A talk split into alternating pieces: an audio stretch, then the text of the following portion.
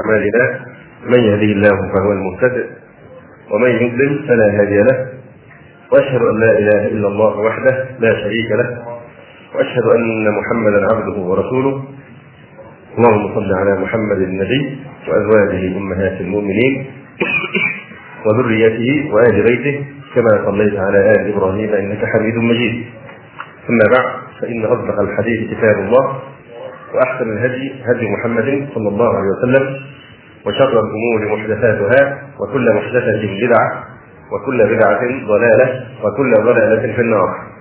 ثم أما بعد فقد انتهينا في مدارسة بحث علو الهمة. إلى الكلام على علو الهمة في البحث عن الحق وعن دين الإسلام.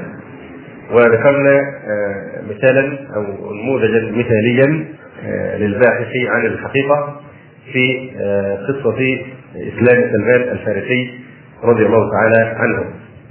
والقصص في عصر الصحابة أو من بعدهم كثيرة جدا ونحن ما نقصد الاستقصاء وإنما نريد يعني ذكرى نماذج من كل عصر من العصور. فنقصد إلى القرن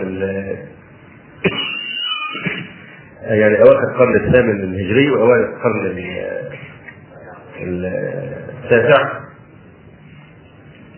يعني ونذكر علو همة الشيخ أبي محمد الترجمان الميورقي وهو قد توفي سنة اثنتين وثلاثين وثمانية من الهجرة. وهذا الرجل كان يدعى القسيس انتل تورنيدا وكان أكبر علماء النصارى في القرن الثامن الهجري. في الوقت الذي كان الصليبيون يكرسون جهودهم بعد طرد المسلمين من ربوع الأندلس كانت كل جهود النصارى مكثفة وموجهة إلى نشر النصرانية المحرفه في ربوع بلاد الأندلس بعدما نفي المسلمون من هذا الفردوس المفقود. في نفس هذا الوقت شرح الله سبحانه وتعالى صدر رجل من أكبر علماء النصرانية في ذلك الزمان إلى الإسلام فأسلم وجهه لله واستقام على طاعة الله عز وجل. وجاهد بيده ولسانه وقلمه في سبيل الله عز وجل. ذلك هو الشيخ أبو محمد عبد الله ابن عبد الله الترجمان الميوقي. كان قسيسا كما ذكرنا يدعى انتلم سرمدا. اشتهر بالترجمان لأنه لما مضى خمسة أشهر على إسلامه قدمه السلطان في الديوان لقيادة البحث. وكان يقصد من ذلك أن يتعلم اللغة العربية لتكرر على عمل الترجمه هناك لأن في البحر والمناوشات العسكرية الحربية أو التجارية حتى العلاقات التجارية بين الأسبان وبين العرب. كان يتكرر الحاجة إلى ترجمة الترجمة من اللغة من إحدى اللغتين إلى الأخرى. كانت تكثر الاحتكاكات بين النصارى والمسلمين.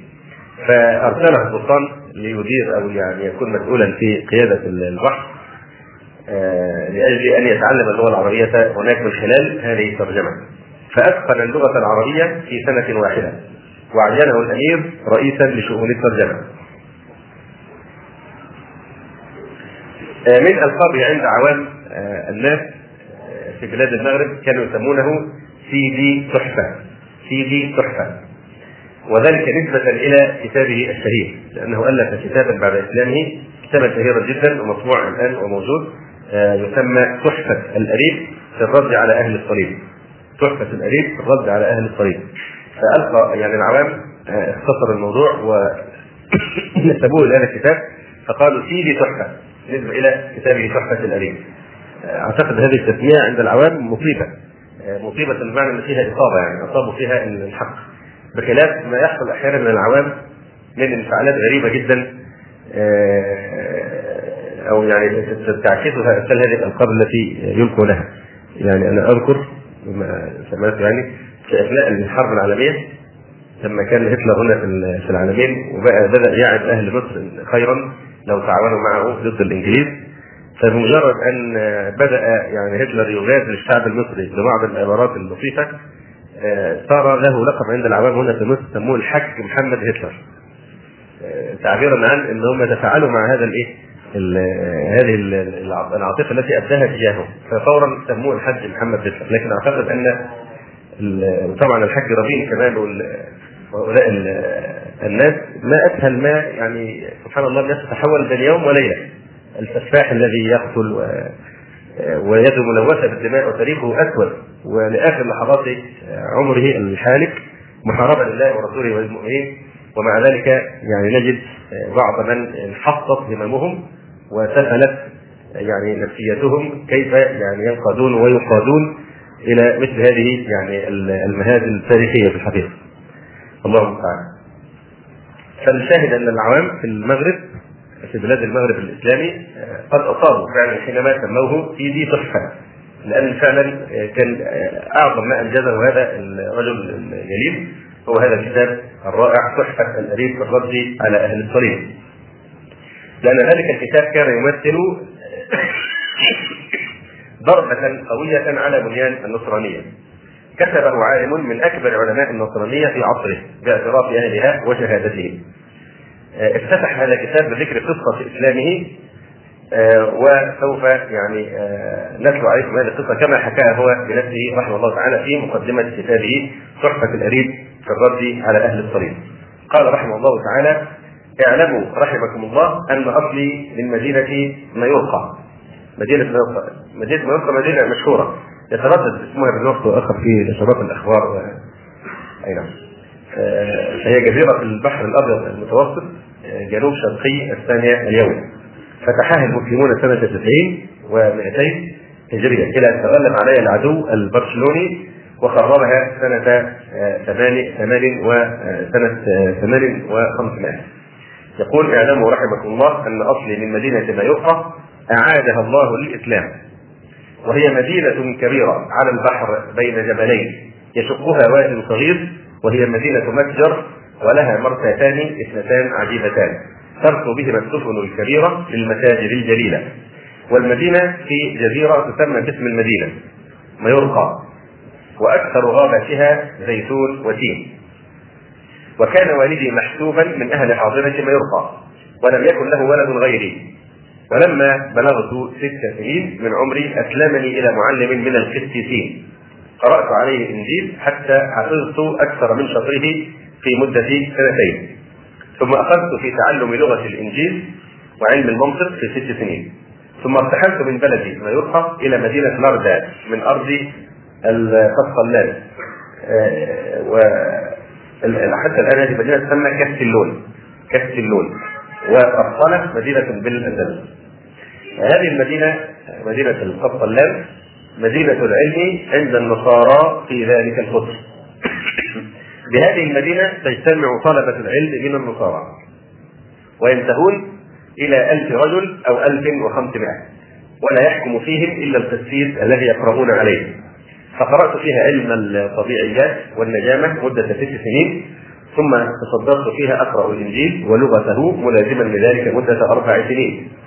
ثم ارتحلت إلى مدينة بولونيا من أرض الأندرجية وهي مدينة كبيرة جدا وهي مدينة علم عند جميع أهل ذلك القدس ويجتمع بها كل عام من الآفاق أزيد من ألف رجل يطلبون العلوم ولا يلبسون إلا الملف وهو لحاف يلتحف به. هو يسمي هذا الملف يقول الذي هو صباغ الله صباغ الله يعني لعلهم يقصدون بذلك ان أنهم يلبسون لباسا معين يصبغ في صبغة في زعمهم يعني مقدسة كما يفعلون في التعميد وهذه الأشياء. ولو ولو يكون طالب العلم منهم سلطانا أو ابن سلطان فلا يلبس إلا ذلك ليمتاز الطلبة عن غيرهم ولا يحكم فيهم إلا القسيس الذي يقرؤون عليه. فسكنت في كنيسة لقسيس كبير السن عنده كبير القدر. اسمه نقلاو مرسيل وكانت منزلته فيهم بالعلم والدين والزهد رفيعة جدا. انفرد بها في زمنه عن جميع أهل دين النصرانية فكانت الأسئلة في دينهم ترد عليه من الآفاق من جهة الملوك وغيرهم. وصاحب الأسئلة من الهدايا الضخمة ما هو الغاية؟ يعني النهاية في بابه ويرغبون في التبرك به وفي قبوله لهداياهم ويتشرفون بذلك. فقرأت على هذا القسيس علم أصول النصرانية وأحكامه ولم أزل أتقرب إليه بخدمته والقيام بكثير من وظائفه حتى صيرني من أخص خواصه. وانتهيت في خدمتي له وتقربي إليه إلى أن دفع إلي مفاتيح مسكنه وخزائن ملكه ومشربه آه، مأكله ومشربه وطير جميع ذلك كله على يدي ولم يستثن من ذلك سوى مفتاح بيت صغير بداخل مسكنه كان يخلو فيه بنفسه. الظاهر أنه بيت خزانة أمواله التي كانت تهدى إليه والله أعلم. فلازمته على ما ذكرت من القراءة عليه والخدمة له عشر سنين. ثم أصابه مرض يوما من الدهر. فتكلف عن حضور مجلس أفراده وانتظره أهل المجلس وهم يتذاكرون مسائل من العلوم إلى أن أفضى بهم الكلام إلى قول الله عز وجل على لسان نبيه عيسى عليه السلام في الإنجيل إنه يأتي من بعده نبي اسمه الفارقيس وهو هنا ليس يعني مخطئا في أن يقول قول الله عز وجل على لسان النبي عيسى في الإنجيل. لماذا؟ لأن هذا قد علمنا قطعا ما يؤيد صحته وأنه مما لم تتناوله يد التحريف لأن كلمة الفرقي بالضبط الترجمة الحرفية لها أحمد صيغة أفعل التفضيل من حملة يعني أحمد. ونحن نعلم أن المسيح عليه السلام آه، بشر بالرسول عليه السلام وبشر برسول يأتي من بعد اسمه أحمد فلذلك هو يعني ما جاوز الصواب في قوله قول الله عز وجل على لسان نبيه عيسى عليه السلام في الإنجيل. إنه يأتي من بعده نبي اسمه الباركليت والباركليت أو الفيل الثقيله هذه أحيانا تكون بالفاء أحيانا تكتب الباركليت أو الباركليت آه الحقيقة هذه الكلمة تستحق بحثا يعني مفردا. آه لكن باختصار شديد لأنه ليس موضوعنا الآن آه نقول إن هذه الكلمة آه، أزعجت النصارى جدا أزعجتهم كثيرا. آه، حتى انهم انتهى يعني انتهى الأمر بهم في التراجم المتأخرة في العصور الأخيرة أن يعني يحذفوها تماما ويحركوها لمعاني أخرى مثل المعزي أو المخلص أو غير ذلك من هذه العبارات المعروفة عندهم الآن. لماذا؟ أنهم يعرفون تماما أن كلمة الباراكليت يستدل بها المسلمون على أنها آه، تساوي في اللغة اليونانية القديمة بمعنى كلمة أحمد بنفس الحرف الذي في اسمه أو الذي له حمد كثير بصيغة أفعل اللي هي أفعل تفضيل بالحبيبه واضح؟ فأرهقتهم الكلمة كثيرا وكما هي عادتهم في التحريف في الطبعات الجديدة ان ينزعون كلمة الفرسيت ويضعون مكانها كلمة يزعمون أن هي معناها وهي المعزي أو المخلص إلى غير ذلك. ومعروف أن كلمة الفرسيت قالها المسيح عليه السلام في اللحظات الأخيرة قبل أن يرفع إلى السماء لأنه قال من الان لابد أن أمضي لاني إذا لم أمضي لم ياتكم الفرقليت. آه، ووصف الرسول عليه الصلاة والسلام بصفات دقيقه جدا لا تنطبق إلا على رسول الله صلى الله عليه وسلم ف فرقليس آه، كلمة تعريب لكلمة بيركليتوس بيركليتوس وقد حصل نقاش بين الأستاذ عبد الوهاب النجار والدكتور كارلو نلينو حول هذه الكلمة. يحكي الدكتور عبد الوهاب النجار في كتابه قصص الأنبياء. يقول ثم قلت له وأنا أعلم أنه حاصل على شهادة الدكتوراه في آداب اللغة اليونانية القديمة. ما معنى بيركليتوس؟ فأجابني فأجابني بقوله إن الكتب يقولون إن هذه الكلمة معناها المعزي. فقلت إني أسأل الدكتور كارلون دينو الحاصل على الدكتوراه في آداب اللغة اليونانية القديمة ولست أسأل قسيسا يعني أنا أسألك بصفة خبير في اللغة اليونانية القديمة ولست أسأل عن رأي القساوسة في ترجمة هذه الكلمة. فقال إن معناها الذي له حمد كثير. فقلت هل ذلك يوافق أفعل التفضيل من حمد؟ فقال نعم فقلت إن رسول الله صلى الله عليه وسلم من أسمائه أحمد فقال يا أخي أنت تحفظ كثيرا يعني هو اكتفى بهذا آه، التعليم الشاهد آه، يعني هذه إشارة عابرة ونرجو أن يتاثر بعد ذلك كلام التفصيل على هذه الكلمة المهمة جدا. آه، لما تخلف الشيخ أو أستغفر الله القسيس بسبب آه، مرضه في ذلك اليوم. وتخلف عن حضور مجالس أقرانه انتظره الناس فلما لم يحضر اقران القساوسه اضطروا إلى أن يتناقشوا في مسائل من آه، العلوم. إلى أن أفضى بهم الكلام في مناقشة آه، قول الله عز وجل على لسان المسيح عليه السلام إنه يأتي من بعد نبي اسمه الباراكليت ثم ترجموا كلمة الباراكليت يعني المفروض إن الأعلام لا تترجم يعني لو واحد مثلا اسمه سعيد في أي لغة المفروض ان هذا العلم إحنا بنجيب كلمه سعيد. بالعربي بالإنجليزي بالأردي بأي شيء يبقى اسمه سعيد. فهم بدل في مثل هذه الكلمة ترجمها ترجموا معناها. بدل ما يقولوا سعيد مثلا لو في الإنجليزية يقولوا هابي مثلا يعني سعيد. واضح؟ فترجموا المعنى. فهذا ما حصل مع لفظة أحمد. ومشترك بالرسول يأتي بعد اسمه أحمد. فهم ترجموا معناها إلى اللغة اليونانية وجعلوها كلمة فرقليس التي تساوي بالضبط أحمد. أفعل تفضيل من صيغة حمده أو من فعل حمده فناقشوا هذه المسألة مما ناقشوه لما تخلف آه، كبيرهم القسيس فبحثوا في تعيين هذا النبي. من هو من الأنبياء؟ وقال كل واحد منهم بحسب علمه وفهمه. فعظم بينهم في ذلك مقالهم وكثر جدالهم ثم انصرفوا من غير تحصيل يعني آه، فائدة أو من غير الاتفاق على آه، معنى معين في هذه الكلمة. ثم لما رجع إلى القسيس الشيخ الكبير هذا الذي كان مريضا قال له ما قال لي ما الذي كان عندكم اليوم من البحث في غيبتي عنكم؟ فأخبرته باختلاف القول في اسم الفرسليس وأن فلانا قد أجاب بكذا وأجاب فلان بكذا وسردت له أجوبتهم. فقال لي وبماذا أجبت أنت؟ فقلت بجواب القاضي فلان في تفسيره آه، للإنجيل. فقال لي ما قصرت وقربت ما قصرت وقربت وفلان أخطأ وكاد فلان أن يقارب. ولكن الحق خلاف هذا كله. ولكن الحق خلاف هذا كله. لأن تفسير هذا الاسم الشريف لا يعلم إلا العلماء الراسخون في العلم. وأنتم لم يحصل لكم من العلم إلا القليل. فبادرت إلى قدميه أقبلهما. وقلت له يا سيدي قد علمت أني ارتحلت إليك من بلد بعيد ولي في خدمتك عشر سنين. حصلت عنك فيها من العلوم جملة لا أحصيها. فلعل من جميل إحسانكم أن تمنوا علي بمعرفة هذا الاسم. فبكى الشيخ. وقال لي يا ولدي والله لأنت تعز علي كثيرا من أجل خدمتك لي وانقطاعك إلي. في معرفة هذا الاسم الشريف فائدة عظيمة. لكني أخاف عليك أن يظهر ذلك عليك فتقتلك عامة النصارى في الحين ثورا سوف يقتلونك. فقلت له يا سيدي والله العظيم وحق الإنجيل ومن جاء به لا أتكلم بشيء مما تسره إليه إلا عن أمرك. فقال لي يا ولدي إني سألتك في أول قدومك علي عن بلدك وهل هو قريب من المسلمين؟ وهل يغزونكم أو تغزونهم لأختبر ما عندك من المنافرة للاسلام حتى يعني أكتشف أو أتكشف حساسيتك وعدائك ونفورك من دين الإسلام.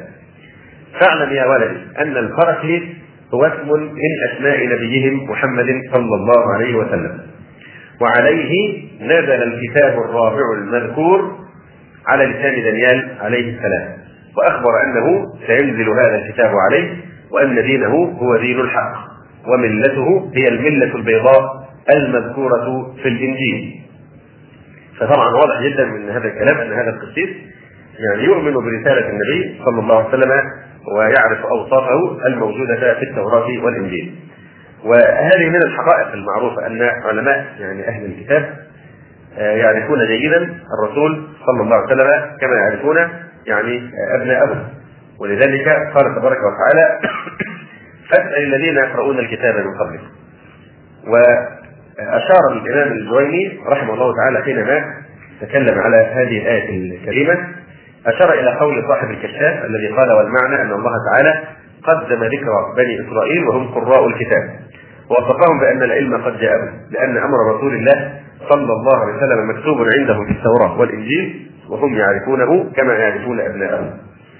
وخلط إلى القول فالغرض وصف الأحبار بالرسوخ في العلم بصحة ما أنزل إلى رسول الله صلى الله عليه وسلم المهم قال هذا الرجل آه، اعلم يا ولدي أن الفرقليس هو اسم من أسماء نبيهم محمد صلى الله عليه وسلم وعليه نزل الكتاب الرابع المذكور على لسان دانيال عليه آه، السلام. وطبعا آه، رؤيا دانيال هذه من الرؤى المشهورة جدا ولها شأن عظيم. يعني الكلام فيها طول لكن باختصار شديد فيها أوصاف تنطلق بمنتهى الدقة على شخص رسول الله صلى الله عليه وسلم. أي نعم. وأخبر أنه سينزل هذا الكتاب عليه وأن دينه هو دين الحق وملته هي الملة البيضاء المذكورة في الإنجيل. قلت له يا سيدي وما تقول في دين هؤلاء النصارى؟ فقال لي يا ولدي لو أن النصارى أقاموا على دين عيسى الأول لكانوا على دين الله لأن عيسى وجميع الأنبياء دينهم دين الله عز وجل ولكنهم بدلوا وكفروا فقلت له يا سيدي وكيف الخلاص من هذا الأمر؟ فقال يا ولدي بالدخول في دين الإسلام. فقلت له وهل ينجو الداخل فيه؟ قال لي نعم ينجو في الدنيا والآخرة. فقلت يا سيدي إن العاقل لا يختار لنفسه إلا أفضل ما يعلم. فإذا علمت فضل دين الإسلام فما أمنعك منه؟ فقال لي يا ولدي إن الله تعالى لم يطلعني على حقيقة ما أخبرتك به من فضل الإسلام وشرف نبي أهل الإسلام إلا بعد كبر سني ووهن جسمي. ولا عذر لنا فيه بل هو حجة الله علينا قائمة. ولو هداني الله لذلك وأنا في سنك لتركت كل شيء. ودخلت في دين الحق. وحب الدنيا رأس كل خطيئة. وأنت ترى ما أنا فيه عند النصارى من رفعة الجاه والعز والثرى وكثرة عرض الدنيا. ولو أني غلر علي شيء من الميل إلى دين الإسلام لقتلتني العامة في أسرع وقت. وهب أني نجوت منهم وقبضت إلى المسلمين. فأقول لهم إني جئتكم مسلما. فيقولون لي قد نفعت نفسك بنفسك بالدخول في دين الحق. فلا تمن علينا بدخولك في دين خلصت به نفسك من عذاب الله. فأبقى بينهم شيخا كبيرا فقيرا ابن تسعين سنة. لا أفقه لسانهم ولا يعرفون حقي فأموت بينهم جوعا فانظر كيف يعني ثقلت همته بسبب هذا التلبيس آه، من الشيطان الرجيم آه، وأيضا لا شك أن ما قاله وما فكر فيه هو خيال آه، فاسد وسوء ظن بخير أمة أخرجت للناس وجهل أيضا بسماحة الإسلام ونظامه الاجتماعي الرائع المبني على التكافل والرحمة والإحسان للخلق. هذا إذا كان هؤلاء الخلق باقين على دينهم فيكونون أهل ذمة لهم من الحقوق ما هو معلوم فكيف إذا تحول الكافر عن دينه إلى دين الإسلام؟ هل يظن أن المسلمين يعني يظلمونه أو يحقرونه أو يعني لا يوفون حقه؟ آه، تأمل ما حكاه أبو عبيد عن عمر بن عبد العزيز رحمه الله تعالى حينما كتب إلى علي بن ابطاه بالبصرة قال له وانظر من قبلك من أهل الذمة وانظر من قبلك من عندك من أهل الذمة قد كبر سنه وضعفت قوته وولت عنه المكاتب يعني لا يستطيع التكتب فأجري عليه من بيت مال المسلمين ما يصلحه. فلو أن رجلا من المسلمين كان له مملوك كبرت سنه وضعفت قوته وولت عنه المكاسب كان من الحق عليه أن يقوله حتى يفرق يفرق بينهما أو يفرق بينهما موت أو عتق وذلك أنه بلغني أن أمير المؤمنين عمر مر بشيخ من أهل الذمة يسأل على أبواب الناس يتساءل فقال ما أنطقناك؟ إن كنا أخذنا منك الجزية في شيبتك ثم ضيعناك في ما أنطقناك. إن كنا أخذنا منك الجزية في شبيبتك يعني وهو شاب. ثم ضيعناك في كبرك. ثم أجرى عليه من بيت المال ما يصلحه. وأقوى يعني رد على هذا الظن الفاسد الذي ظنه هذا القسيس هو ما لقيه الترجمان نفسه الشيخ الترجمان نفسه حينما أسلم من حفاوة ومن تقدير ومن تكريم من المسلمين. فهذا من تلبيس إبليس على هذا الرجل. آه، حينما قال آه، يعني إذا خلصت إلى المسلمين حتى نجوت من النصارى آه، من ومن محاولة قتلي واستطعت ان اصل إلى المسلمين سيقول للمسلمين يعني قد نفعت نفسك بنفسك بالدخول في دين الحق فلا تمن علينا بدخولك في دين خلصت به نفسك من عذاب الله. فأبقى بينهم شيخا كبيرا فقيرا ابن تسعين سنة.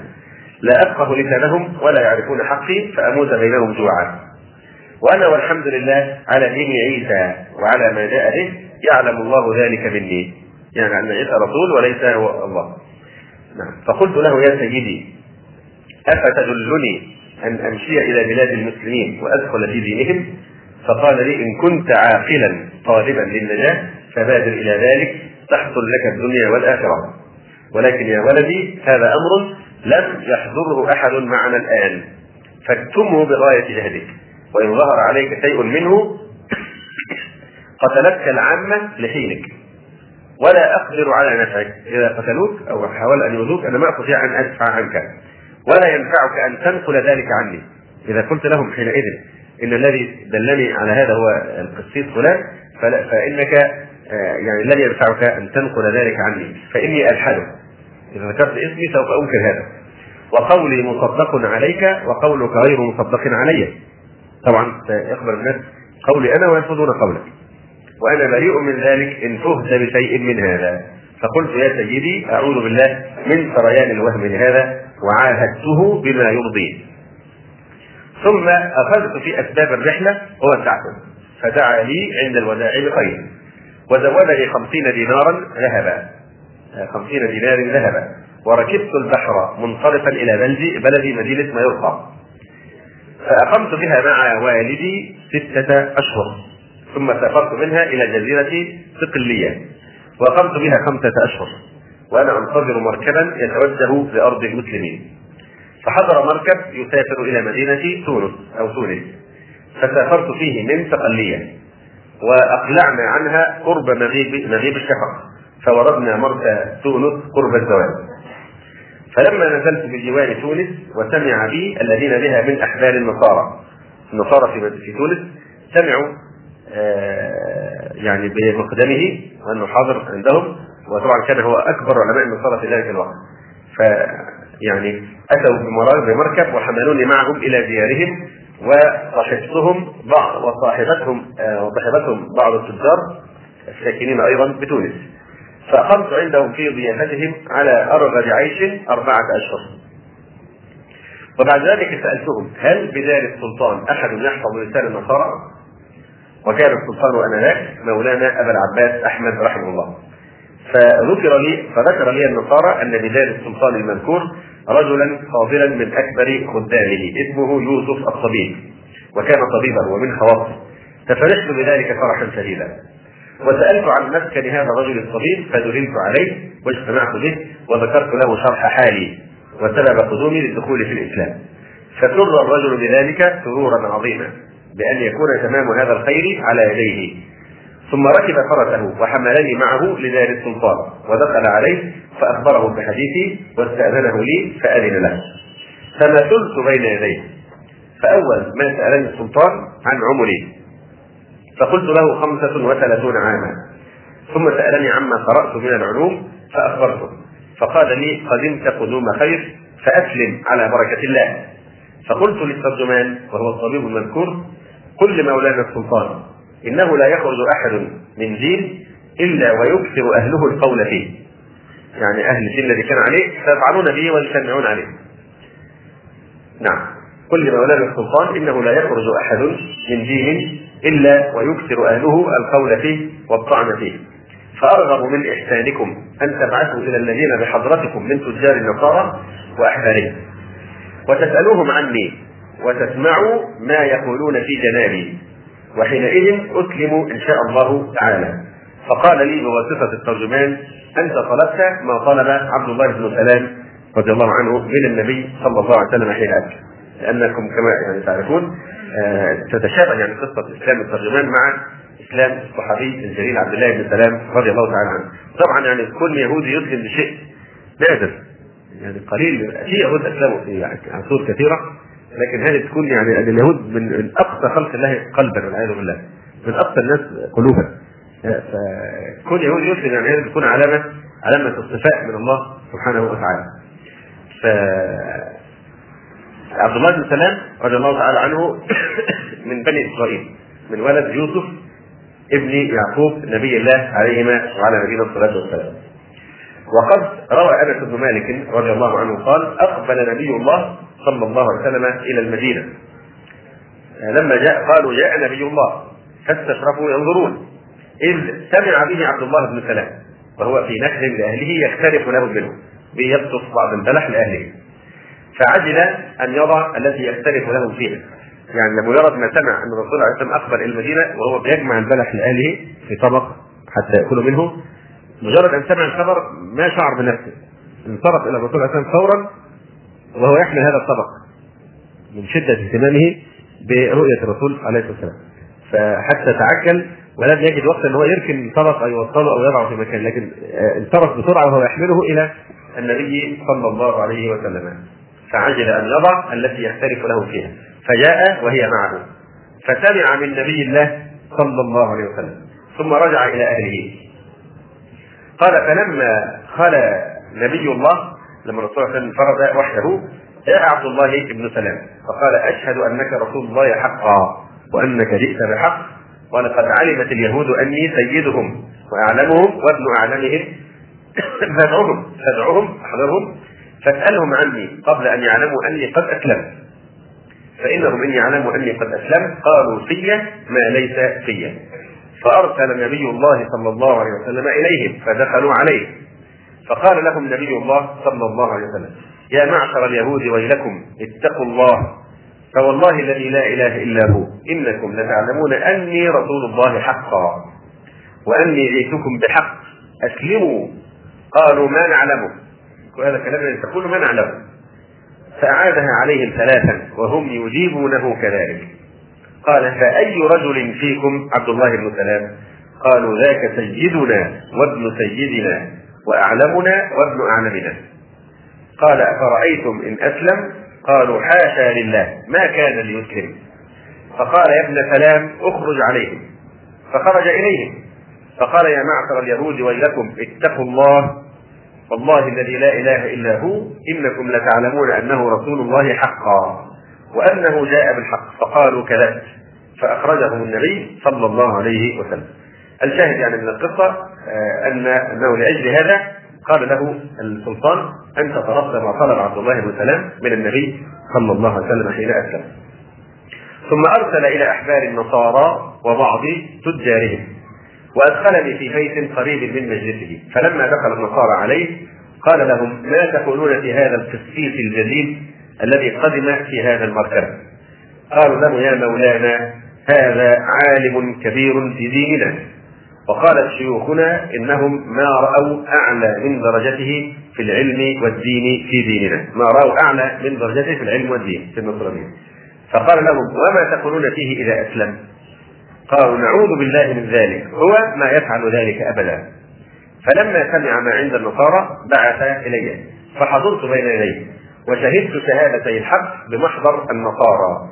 فصلبوا على وجوههم. فصلبوا وهذا معروف. والعياذ بالله عند النصارى. إذا أرادوا التعوذ آه، من شيء رفعوا أصابعهم مضمومة على جبهتهم. ثم أشاروا بعلامة الصليب مرورا بالكتف الأيمن فالأيسر فالوسط. قد تتعدى هذه الإشارة من التعوذ إلى التبرك حيث إن ما يسمى البابا يرسم هذه الإشارة حين يظهر لعامة الناس يعني يظن الخبير بذلك أنه يلقي عليهم البركة بإشارة التصليب والعياذ بالله. المهم هم لما سمعوا ذلك صلبوا على وجوههم وقالوا ما حمله على هذا إلا حب التزويج فإن القسيس عندنا لا يتزوج وخرجوا مكروبين محزونين عندنا طبعا هذا في الكنيسة الإيه؟ الكاثوليكية لأن الكاثوليكية حرمت على الكتب والرهبان والراهبات الزواج. وطبعا هذا أدى إلى فساد وتعفن شديد في يعني أوساط هؤلاء القوم حتى إنهم كانوا يأتون الفواحش ويقولون هذا ضرب نوع من المساكنة يعني الروحية. وكان هذا أحد أسباب قيام مارتن لوثر البروتستانتي بثورته على الكنيسة في القرن السادس عشر وكان من ضمن آرائه في فيما يسمى بالإصلاح الكنسي أن جزءا من فساد الدين يرجع إلى عدم الزواج ورأى أن المنع منه لم يكن في النصرانية في عصورها الأولى فقرر حقهم في الزواج وتزوج هو فعلا مع أنه من رجال الدين وتزوج من راهبه. أي نعم. المهم قالوا ما حملهم على هذا إلا حب التزويج ما حمل ان يدخل في الاسلام إلا أنه يريد أن يتزوج. والقدس عندنا لا يتزوجون. وخرجوا مكروبين محزونين. فرتب لي السلطان رحمه الله ربع دينار في كل يوم في دار المختصر وزوجني ابنة الحاج محمد الصفار. فلما عزمت على البناء بها أعطاني 100 دينار ذهبا وكسوة جيدة كاملة فبديت بها وولد لي منها ولد سميته محمدا على وجه التبرك باسم نبينا صلى الله عليه وسلم. ثم شرع الشيخ الترجمان في ذكر طرف من أخبار الدولة الحقية التي قدم في ديوانها. ثم أردفه بأبواب تسعة في الكتاب. كشف فيها هوية كتاب الأناجيل الاربعه متى ومرقس ولوقا ويوحنا. وأكد فيها انهم ليسوا من حواري المسيح عليه السلام بأدلة علمية دقيقة. ثم ناقش قضايا التعميد اللي هو التغطيس والتكليف. والأقاليم والخطيئة الأولى والعشاء الرباني وفك الغفران وقانون الإيمان وفندها كلها بنصوص الاناجيل وبأدلة العقل الصريحه. ثم أثبت بشرية المسيح عليه السلام ونفى ألوهيته المزعومة، ثم عرض التناقضات في نصوص الاناجيل المحرفه، ثم تعرض لما يعيبه النصارى على المسلمين كزواج العلماء والصالحين والختان والنعيم الحسي في الجنة، ثم ختم كتابه بإثبات نبوة رسول الله محمد صلى الله عليه وسلم وبيان فضله ومنزلته بنصوص من التوراة والإنجيل. فيعني هذا باختصار آه، مرور عابر على سيرة هذا الشيخ الميرخي وجهاده بقلمه ولسانه في سبيل الله عز وجل. أما جهاده بيده فقد اشترك رحمه الله تعالى في جهاد بني جلدته من الكافرين في حملة الاسطول الحبسي على الجزيره الصقليه سنة 96 و700 هجرية كان يتولى منصب القائد البحري. حتى إنه روي أنه استشهد أثناء الغارة الصليبية على تونس. فإن صحت هذه الرواية فهذا شرف عظيم يضاف إلى سجله الناصع في خدمه دين الحق والجهاد في سبيله. ولا شك أن سيرة الشيخ الترجمان منار ينير الدرب للتائهين في زجاج الظلام ودياجير الجهل. ويحرر عقولهم من أثر التقليد الأعمى لمن لا يملكون لهم رزقا ولا اجلا. أي نعم. فرحم الله الشيخ الترجمان وأعلى درجته في المهديين. نقصد الآن قفزه أبعد بكثير إلى آه، العقود الأخيرة من الزمان وان نتعرض أيضا لنموذج من نماذج علو الهمة في البحث عن الدين الحق. آه، صاحب هذه القصة هو الأخ رحمة برنومو وهو رجل ينتسب إلى أب هولندي وأم إندونيسية من مدينة امبون الواقعة في جزيرة صغيرة في أقصى الشرق من جزر إندونيسيا. والنصرانيه هي الدين الموروث لأسرته أبا عن جد. كان جده قسيسا ينتمي إلى مذهب البروتستانت. وكان أبوه أيضا قسيسا على مذهب بنتيكوستال وكانت والدته معلمة الإنجيل للنساء. هي التي تعلم النساء الإنجيل.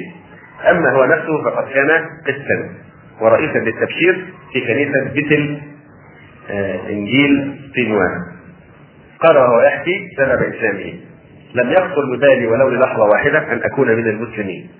إذ إنني منذ نعومة أظفاري تلقيت التعليم من والدي الذي كان يقول لي دائما إن محمدا رجل بدوي صحراوي ليس له علم ولا دراية ولا يقرأ وأنه أمي. طبعا هذا من جهلهم الفاحش وعدوانهم لأن الكتابة لا تتعين سبيلا لتحصيل العلم. يعني هناك سبيل أخرى خاصة إذا كانت الوحي من الله سبحانه وتعالى هذا أعظم منبع يستقى منه العلم.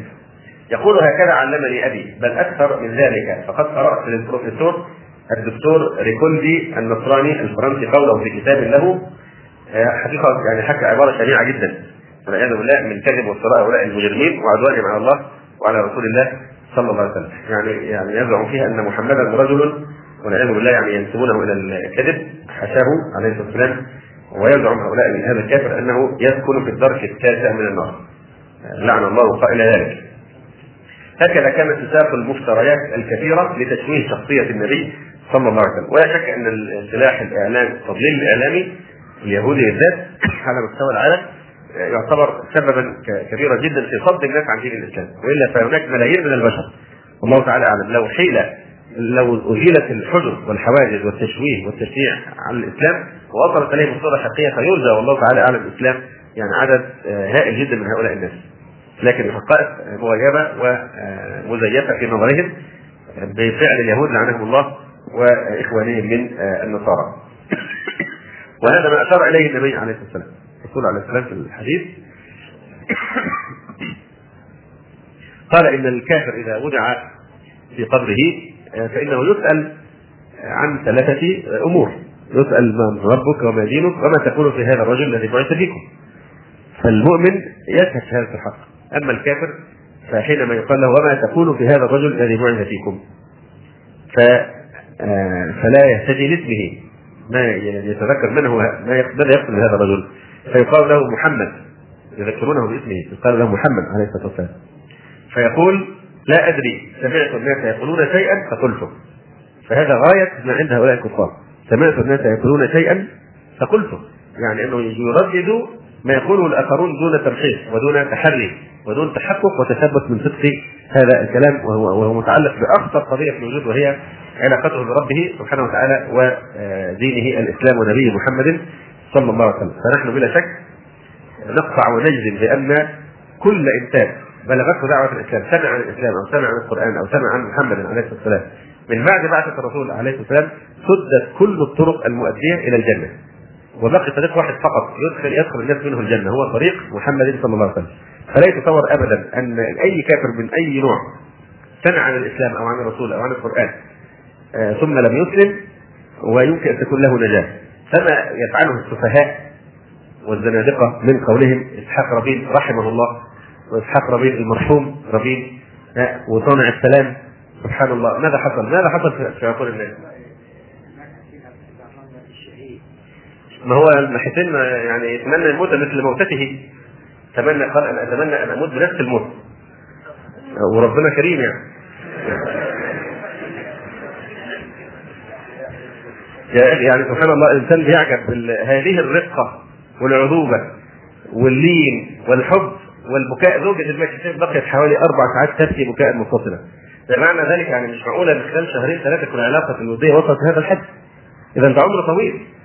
وهذا الخبيث الهالك آه يعني آه لما عقد المعاهدة السلام مع الأردن قال آه قال الملك حسين قال أنا أنا اليوم لعلاقتنا أن تصبح علنيه أنا الآن لعلاقتنا أن تصبح علنيه الله المستعان. فالشاهد يعني هؤلاء رضوا بأن ينحازوا إلى معسكر أعداء الله وأعداء رسول الله صلى الله عليه وسلم، نحن نجزم ونقطع قطعا كما أننا نقطع بأن الشمس إن شاء الله ستشرق من المشرق غدا أن هذا الرجل سئل في قبره نفس هذه الأسئلة. لا نشك في هذا ابدا. وأنه الان افضى إلى إلى رب سبحانه وتعالى. وانه مات ان مات على الكفر الذي كان عليه الرسول والمسلمين ان إن شاء الله هالك ونسال الله إن كان كذلك أن يملأ قبره عليه نارا وأن يلحق به كل من يحبونه ويعتبرونه صانع للسلام فهذه في الحقيقة كانت جنازاتهم هم وليست جنازاته هو. الإنسان يعجب ماذا بيحدث في عقول الناس؟ إيه اللي بيحصل هذا في عقول الناس بهذه الصورة؟ رجل من شهور قليلة كان بيقول وحصل أزمة كبيرة جدا معروف الحادث من في شهر يناير بالضبط. لما قال إن إسرائيل الان تستعد لحرب جديدة ضد ضد ضد ضد مصر أو ضد العرب. وايام حصلت أظن أزمة كبيرة جدا معروف. واضح؟ فما زال حتى الآن يسنون لنا السكين ونحن نقول صانع السلام وإيده كانت ملوثة من قتل الشقاقي في جزيرة مالطا من أيام قليلة فأخذه الله سبحانه وتعالى أخذ عزيز مقتدر وبيد يعني خبيث من خبثائهم أيضا والانسان الذي يعني حقيقه الإنسان يذهل الولد الذي قتله هذا تجد الكلام عليه بمنتهى الاحترام يعني إذا إنسان دقق ما يجد ابدا وصفه انه إرهابي محدش جرب ابدا أن يصف هذا اليهودي على زعمه المتطرف أنه إرهابي. إيه السر؟ لأنه متدين وقال أنا فعلت ذلك عن عقيدة وأن هذا الرجل خان إسرائيل وأنه فرط في أرض إسرائيل. واضح؟ ومع ذلك ما جرؤ أحد ابدا أن يقول عليه إرهابي. ويشتمون الشتائم التي تقال لو أن واحد مسلم بس يعني خدش خدش بعصا الإرهاب والتطرف إلى إلى آخره. وكيف يعني يقال ان إنه يهودي ارهابي أو يهودي متطرف، متطرف كل يهودي متطرف وكل نصراني متطرف وكل من حاد عن الإسلام وعن منهج أهل السنة والجماعة فهو المتطرف في الحقيقة. فكل يهودي متطرف لكن هي المسألة أدوار يعني بتوزع بينهم. فهذا من رحمة الله سبحانه وتعالى أنه يسلط بعض الظالمين على بعض. ويخرج المؤمنون الموحدون من بينهم سالمين. فلا شك أن هذه من آيات الله سبحانه وتعالى. ونسأل الله سبحانه وتعالى أن يلحق به كل من يترحم عليه وكل من يحبه والمرء يحشر مع من أحب. المرء يحشر مع من أحب. اللي كلينتون بيمدحه بيتكلم على الزهد بتاعه في الدنيا إنه كان راجل زاهد. يقول ان هو مكث طول عمره ما بيعرفش يربط رباط العنق الكرافات. يعني من في التأبين إن دي من مناقبه مناقب الحاج محمد ربيع. هنعمل زي محمد بن إنه ما إنه مكث عمره كله ما يستطيع أن يربط رباط العنق يقول أنا مرة شددت له ربطه العنق يعني أنا اللي عملتها له مرة. واضح؟ يعني الله المستعان. وياسر عرفات؟ من ضمن الحاجات العجيبة جدا إن هو كان أصلا الخبيث هذا الهالك قبل موته بفتره قليلة أصدر أمر بمنعه من دخول القدس. فلذلك منع من حضور الجنازة وطبعا هو كان أول الناس اللي هيقوموا بما يراه واجبا لغيره. لكن هو حقيقه بيقولوا الاسباب الأمنية والحقيقة إن هو كان هذا الخبيث الهالك كان أصدر أمر بإن عرفات لا يدخل مدينة القدس. هذا الرجل رحمة برنومو كما نرى يعني كان مهموسا في بيئة شديدة التعصب لهذه الملة المحرفه، ابوه هولندي، امه إندونيسية، جده قسيس بروتستانتي، ابوه قسيس على مدى قرن كوتا، امه تعلم النساء الإنجيل وهو نفسه أيضا كان قسيسا بل رئيسا للتبشير في كنيسة بيتل إنجل في نوى. قال وهو يحكي سنة إسلامه لم يكثر بذلك ولو لحظه واحدة أن أكون من المسلمين إلى آخر ما قال. أي نعم. يقول وهكذا كانت تساق المفتريات الكثيرة لتشويه شخصية الرسول صلى الله عليه وسلم. ومنذ ذلك الحين تكونت لدي فكرة مغلوطة راسخة تدفعني إلى رفض الإسلام وعدم اتخاذه دينا لي. ثم يقول الواقع أنه لم يكن من أهدافي بحال من الأحوال أن أبحث عن دين الإسلام. ولكني كان يحدوني دائما دافع لأن أهتدي إلى الحق. ولكن لما كنت أبحث عن الحق المجهول لماذا كنت أبحث عن الحق المجهول؟ ولماذا تركت ديني رغم أنني كنت أتمتع فيه بمكانة مرموقة بين قومي؟ حيث كنت رئيس التبشير المسيحي في الكنيسة وكنت أحيا بناء على ذلك حياة كلها رفاهية ويسر اذا لماذا اخترت الإسلام؟ بدأت القصة على النحو التالي في يوم من الأيام أرسلتني قيادة الكنيسة للقيام بأعمال تبشيرية لمدة ثلاثة أيام ولياليها في منطقة دايري التي تبعد عن عاصمة ميزان الواقعة في شمال جزيرة سمطرة بضع مئات من الكيلومترات. وطبعا إحنا نتحفظ بكلمة التبشير. نفس الشيء كلمة التبشير كلمة لا تحقها هؤلاء الكفرة. هي يمكن يكون يبشرون الناس بالنار إذا آمنوا بما هم عليه. أو التنصير يكون أدق. لكن أنا كلام بنفس عبارة المتكلم. يقول ولما انتهيت من أعمال التبشير والدعوة وأويت إلى دار مسؤول الكنيسة في تلك المنطقة وكنت في انتظار وصول سيارة تقلني إلى موقع عملي. وإذا برجل يطلع علينا فجأة لقد كان معلما للقرآن محفظ للقرآن وهو ما يسمى في إندونيسيا مطوع في الكتاب. وهو المدرسة البسيطة التي تعلم القرآن. لقد كان الرجل ملفتا للأنظار. كان نحيف الجسم دقيق العود يرتدي كوفية بيضاء بالية خلقة. ولباسا قد تبدل لونه من كثرة الاستعمال. حتى أن نعله كان مربوطا بأسلاك ليشد قدمه. اقترب الرجل مني. وبعد أن بادلني التحية بادرني بالسؤال التالي. وكان سؤالا غريبا من نوعه. قال لقد ذكرت في حديثك أن عيسى المسيح إله. فأين دليلك على ألوهيته؟ فقلت له سواء أكان هناك دليل أم لا فالأمر لا يهمك. إن شئت فلتؤمن وإن شئت فلتكفر. وهنا أدار الرجل ظهره لي وانصرف. ولكن الأمر لم ينتهي عند هذا الحد. يعني هو رجل ولم يرد عليه. يقول ولم ينتهي الأمر عند هذا الحد فقد أخذت أفكر في قرارة نفسي. وأقول هيهات هيهات أن يدخل هذا الرجل الجنة لأنها مخصصة فقط لمن يؤمن بألوهية المسيح فحسب. هكذا كنت أعتقد جازما آنذاك. ولكن عندما عدت إلى بيتي وجدت أن صوت الرجل يجلجل في روعي ويدق بقوة في أسماعي. إما دفعني إلى الرجوع إلى كتب الإنجيل بحثا عن الجواب الصحيح على سؤاله. ومعلوم أن هناك أربعة أناجيل مختلفة أحدها بقلم متى والآخر مارك مرقس يعني والثالث لوقا والرابع إنجيل يوحنا. هذه التسميات أخذت لمؤلف كل منها أي أن الأناجيل الأربعة المشهورة هي من صنع البشر وهذا غريب جدا. ثم سألت نفسي هل هناك قرآن بنسخ مختلفة من صنع البشر؟ وجاء الجواب الذي لا مفر منه وهو بالطبع لا يوجد. فهذه الكتب وبعض الرسائل الأخرى هي فقط مصدر تعاليم الديانة المسيحية المعتمدة. وأخذت ادرس الاناجيل الأربعة فماذا وجدت؟ هذا إنجيل متى ماذا يقول عن المسيح عليه السلام؟ إننا نقرأ فيه ما يلي إن عيسى المسيح ينتسب إلى إبراهيم وإلى داود إلى آخره إذا من هو عيسى؟ أليس من بني البشر؟ نعم إذا فهو إنسان وهذا إنجيل لوقا يقول ويملك على بيت يعقوب إلى الأبد ولا يكون لملكه نهاية وهذا إنجيل مارك يقول هذه السلسلة من نسب عيسى المسيح إلى آخر الكلام البشع الذي يزعمون فيه أنه ابن الله.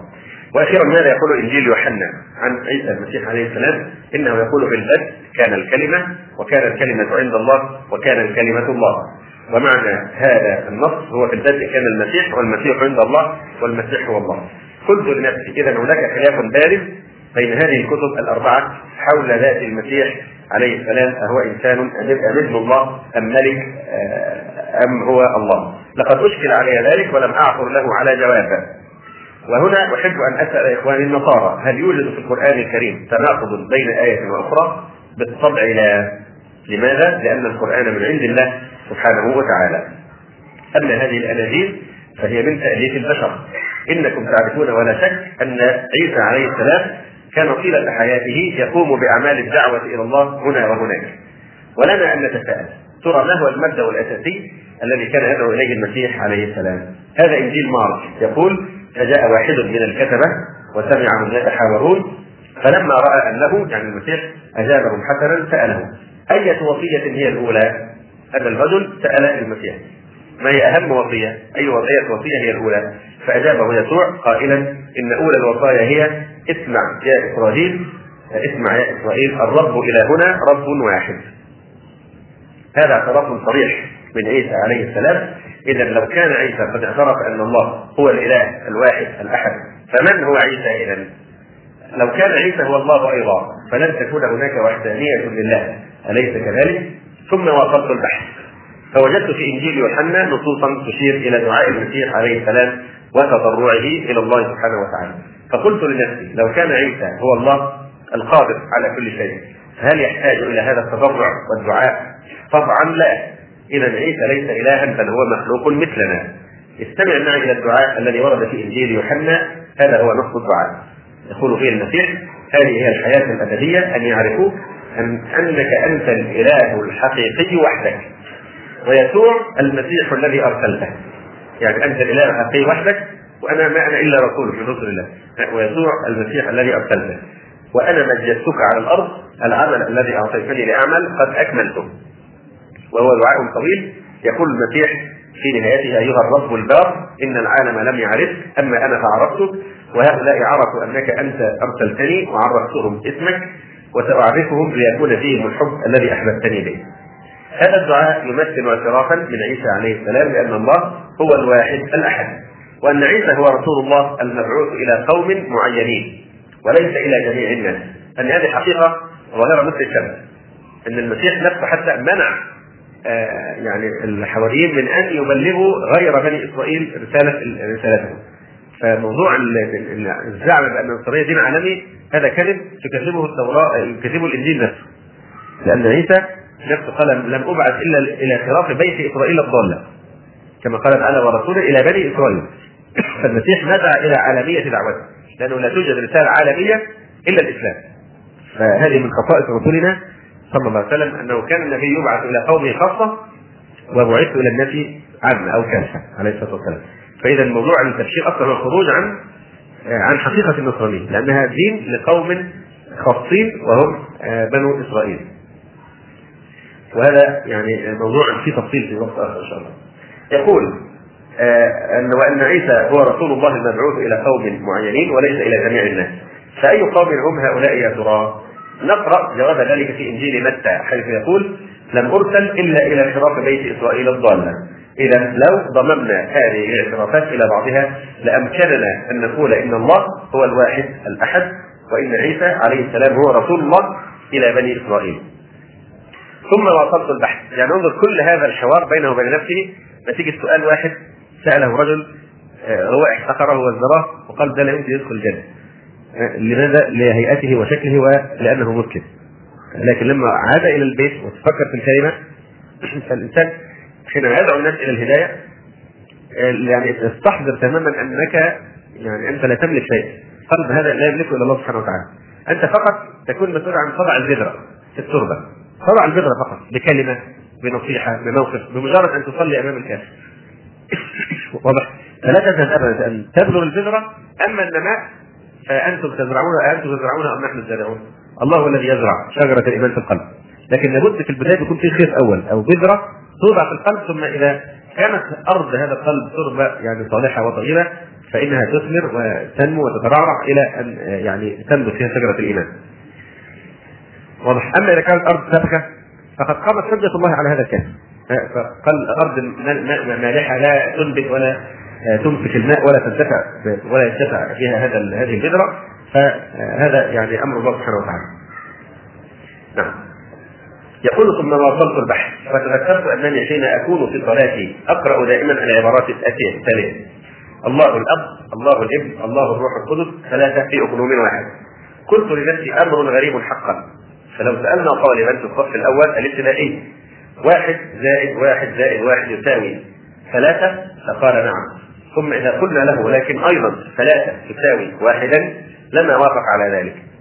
إذ إن هناك تناقضا صريحا فيما نقول لأن عيسى عليه السلام يقول في الإنجيل كما رأينا بأن الله واحد لا شريك له.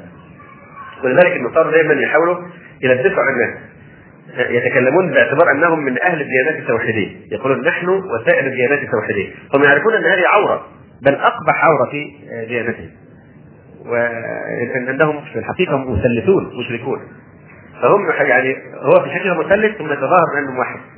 واضح؟ إذا حاولت إنك تناقشه في كيفية الجمع بين هذا التناقض فيفلسف الأمر أو يقول هذه أمور فوق مستوى العقل ويهرب من هذا الحقيقة. فدايما يعني كما حصل في في جنازه هذا الرجل أيضا إشارة إلى أن الديانات التوحيدية أو الديانات الإبراهيمية إبراهيم بريء من هؤلاء وهؤلاء وإبراهيم كان حنيفا مسلما ولم يكن من المشركين.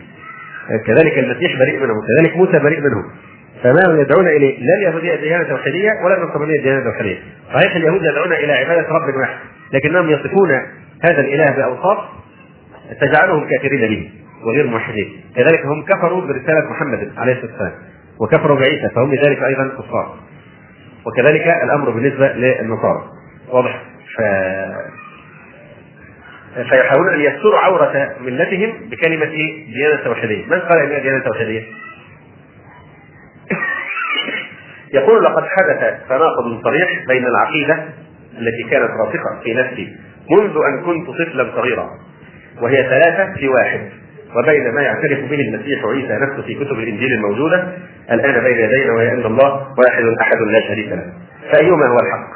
لم يكن بوسعي أن أقرر انذاك والحق يقال بأن الله واحد أحد. فأخذت أبحث في الإنجيل من جديد. لعلي أقع على ما أريد. وجدت في سفر أشعياء النص الثاني. اذكروا الأوليات منذ القديم. لأني أنا الله وليس آخر الإله وليس مثلي. ولشد ما كانت لهجتي عظيمة حين اعتنقت الإسلام. فوجدت في سورة الإخلاص قول الله تعالى بسم الله الرحمن الرحيم. قل هو الله أحد. الله الصمد لم يلد ولم يولد ولم يكن له كفوا أحد. نعم ما دام الكلام كلام الله فهو لا يختلف حيثما وجد. هذا هو التعليم الأول أو البديهية الأولى في ديانه المسيحية السابقة. إذا ثلاثة في واحد لم يعد لها وجود في نفسي ثم ينتقل الأخ رحمة برنومو الإندونيسي إلى نقطة جوهرية أخرى جعلته يختار الإسلام دينا.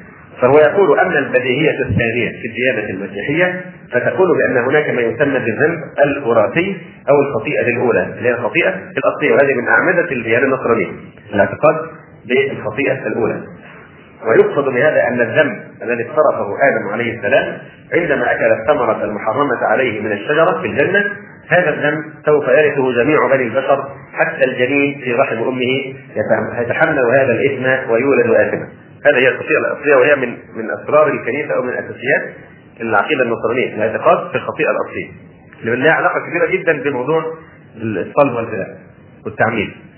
الخطيئه الأصلية إن الخطيئه التي ارتكبها آدم حينما عصى الله سبحانه وتعالى في الجنة يقولون إن هم يعتقدون أن الله سبحانه وتعالى طرده من الجنة وإن هذه الشجرة كانت شجرة المعرفة ومعاذ الله يعني من عدوانهم مع الله سبحانه وتعالى يقولون إن الله كان كان يخشى أن آدم لو أكل منها فتصبح عنده عنده بصيرة لأن هذه شجرة المعرفه فلما أكل منها وأصبح عنده بصيرة غضب الله عليه ليه؟ لأن هذا الذي يعطينا المفهوم الذي عندهم من التناقض بين العلم والدين. العلم والدين في تناقض بينهم. وهذا انعكس في هذا الافتراء الذي افتروه أن الله كان حريص إن آدم لا يكون عنده علم أو معرفة ولذلك حرم عليه هذه الشجرة والعياذ بالله هذا كله من الكذبين. واضح؟ ومن ثم حصلت المعاداة بينهم بين العلم والدين، أما نحن ف يعني أول كلمة نزلت في القرآن الكريم اقرأ باسم ربك الذي خلق. ورفع شأن العلم والدليل والحجة والبرهان في الاسلام يعني أمر غني عن التعريف.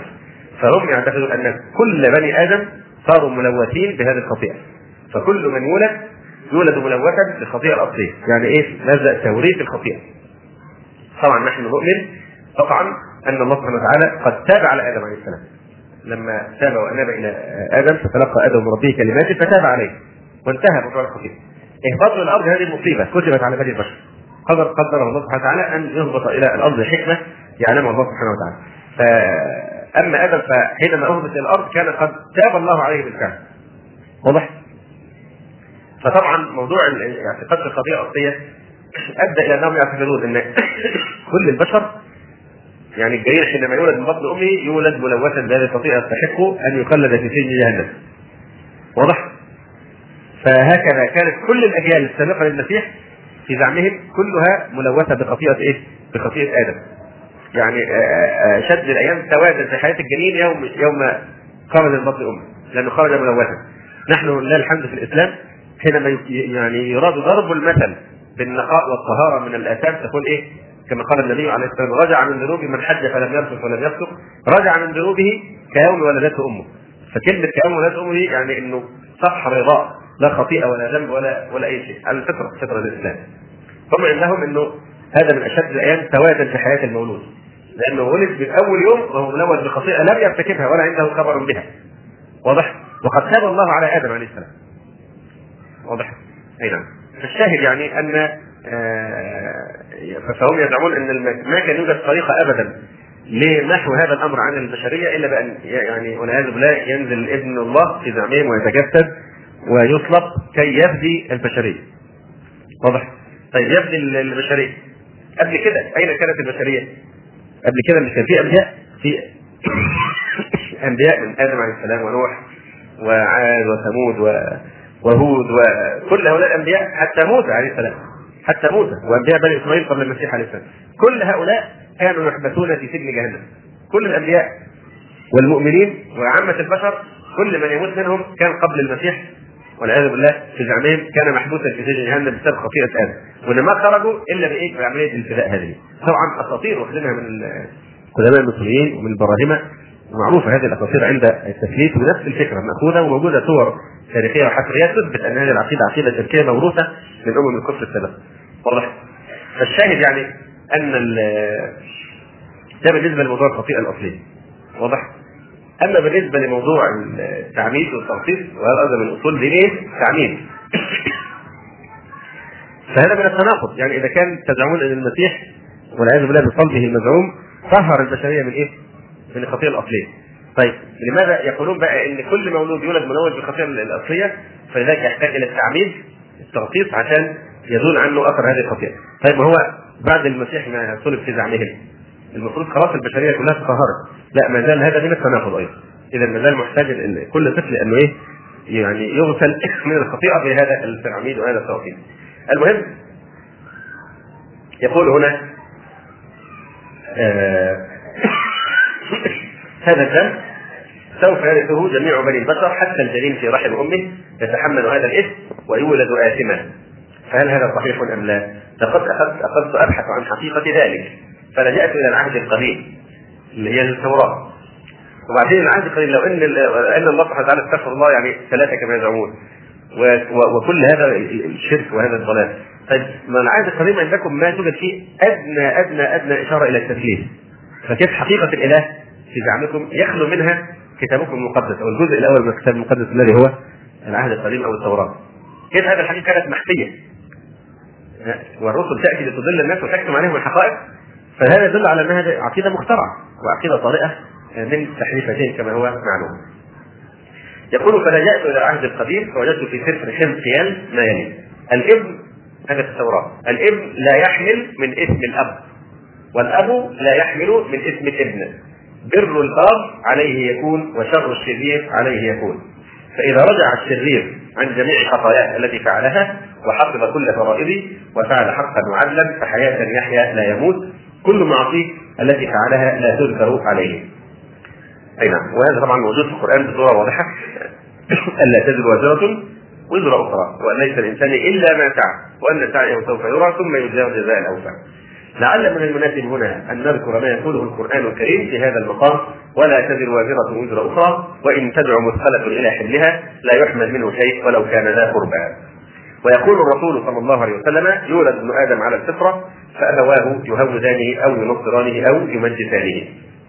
هذه هي القاعدة في الإسلام ويوافقها ما جاء في الإنجيل فكيف يقال إن خطيئة آدم تنتقل من جيل إلى جيل وأن الإنسان يولد آثما يقول الأخ رحمة برنومو الإندونيسي اذا هذه التعاليم المسيحية قد اتضح بطلانها واقتراؤها بنص صريح من الكتاب الموصوف بالمقدس نفسه. وهناك البديهيه الثالثة في التعاليم النصرانيه التي تقول إن ذنوب بني البشر لا تغفر حتى يصلب عيسى عليه السلام. لقد أخذت أفكر في هذه البديهية وأتساءل هل هذا صحيح؟ وكان الجواب الذي لا مفر منه بالطبع لا لأن النص الآنف ذكر من العهد القديم ينفي مثل هذا الاعتقاد بقوله فإذا رجع الشرير عن جميع خطاياه التي فعلها وحفظ كل فرائضه وفعل حقا وعدلا فحياة يحيا لا يموت كل معصية التي فعلها لا تذكر عليه. أي أن الله يغفر ذنوبه دون حاجة إلى أية وساطة من أحد. ويمضي الأخ الإندونيسي الذي كان ستا في يوم من الأيام يحدثنا عما فعل بعد ذلك ضمن رحلته الطويلة من الكفر إلى الإسلام. فيقول لقد وصلت البحث في عدد من القضايا الاعتقادية الأخرى. لقد وضعت يوما من الأيام كلا من الإنجيل والقرآن أمامي على المنضده. ووجهت السؤال التالي إلى الإنجيل قلت له يعني يا إنجيل ماذا تعرف عن محمد عليه الصلاة والسلام؟ فقال لا شيء لأن اسم محمد غير مذكور في الإنجيل. ثم وجهت السؤال التالي إلى عيسى كما تحدث عنه القرآن. فقلت يا عيسى ابن مريم ماذا تعرف عن محمد عليه الصلاة والسلام؟ فقال لقد ذكر القرآن بما لا يدع مجالا للشك أن رسولا لابد أن يأتي بعدي اسمه أحمد. يقول تعالى على لسان عيسى عليه السلام وإذ قال عيسى ابن مريم يا بني إسرائيل إني رسول الله إليكم مصدقا لما بين يدي من التوراة ومبشرا برسول يأتي من بعد اسمه أحمد فلما جاءهم بالبينات قالوا هذا سحر مبين. فأي ذلك حق يا ترى؟ ثم يقول هناك إنجيل واحد هو إنجيل برنابا وهو غير الأناجيل الأربعة التي ذكرناها من قبل وهذا الإنجيل للأسف حرم رجال الدين النصارى على أتباعهم الاطلاع عليه. أتدرون لماذا؟ الأرجح لأن هذا الإنجيل هو الوحيد الذي يتضمن البشرى لسيدنا محمد صلى الله عليه وسلم.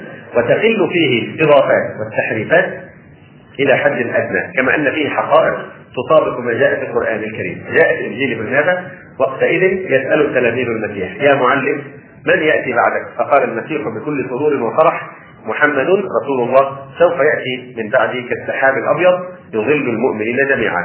هذا في إنجيل برنابا ويمضي الأخ أحمد بن قائلا ثم قرأت آية أخرى في إنجيل برنابا وهي قوله وقتئذ اندرياس التلميذ يسأل المسيح يا معلم حين يأتي محمد؟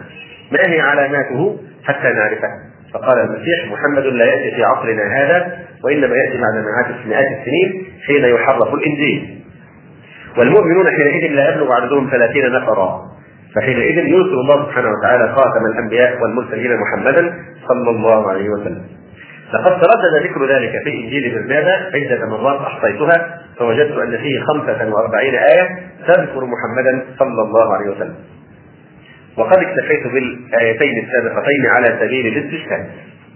ثم قال الأخ أحمد بن رومو آه، ومن التعاليم البديهيه في الديانة المسيحية أن عيسى عليه السلام هو المنقذ المخلص للعالم. أي أنك إذا آمنت بالالوهيه عيسى سوف تنجو. وهذا يعني أنك يمكنك أن تفعل ما تشاء غير آبه بالذنوب والمعاصي. ما دمت تؤمن بعيسى كمنقذ لك. شريطة أن تكون على يقين بأنك من التابعين. قلت لنفسي لابد أن أبحث في الإنجيل وأعرف الحق من الباطل في ذلك في سفر أعمال الرسل رسالة بولس الأولى إلى أهل كورنثوس يقول الله قد أقام الرب وسيقيمنا نحن أيضا بقوته.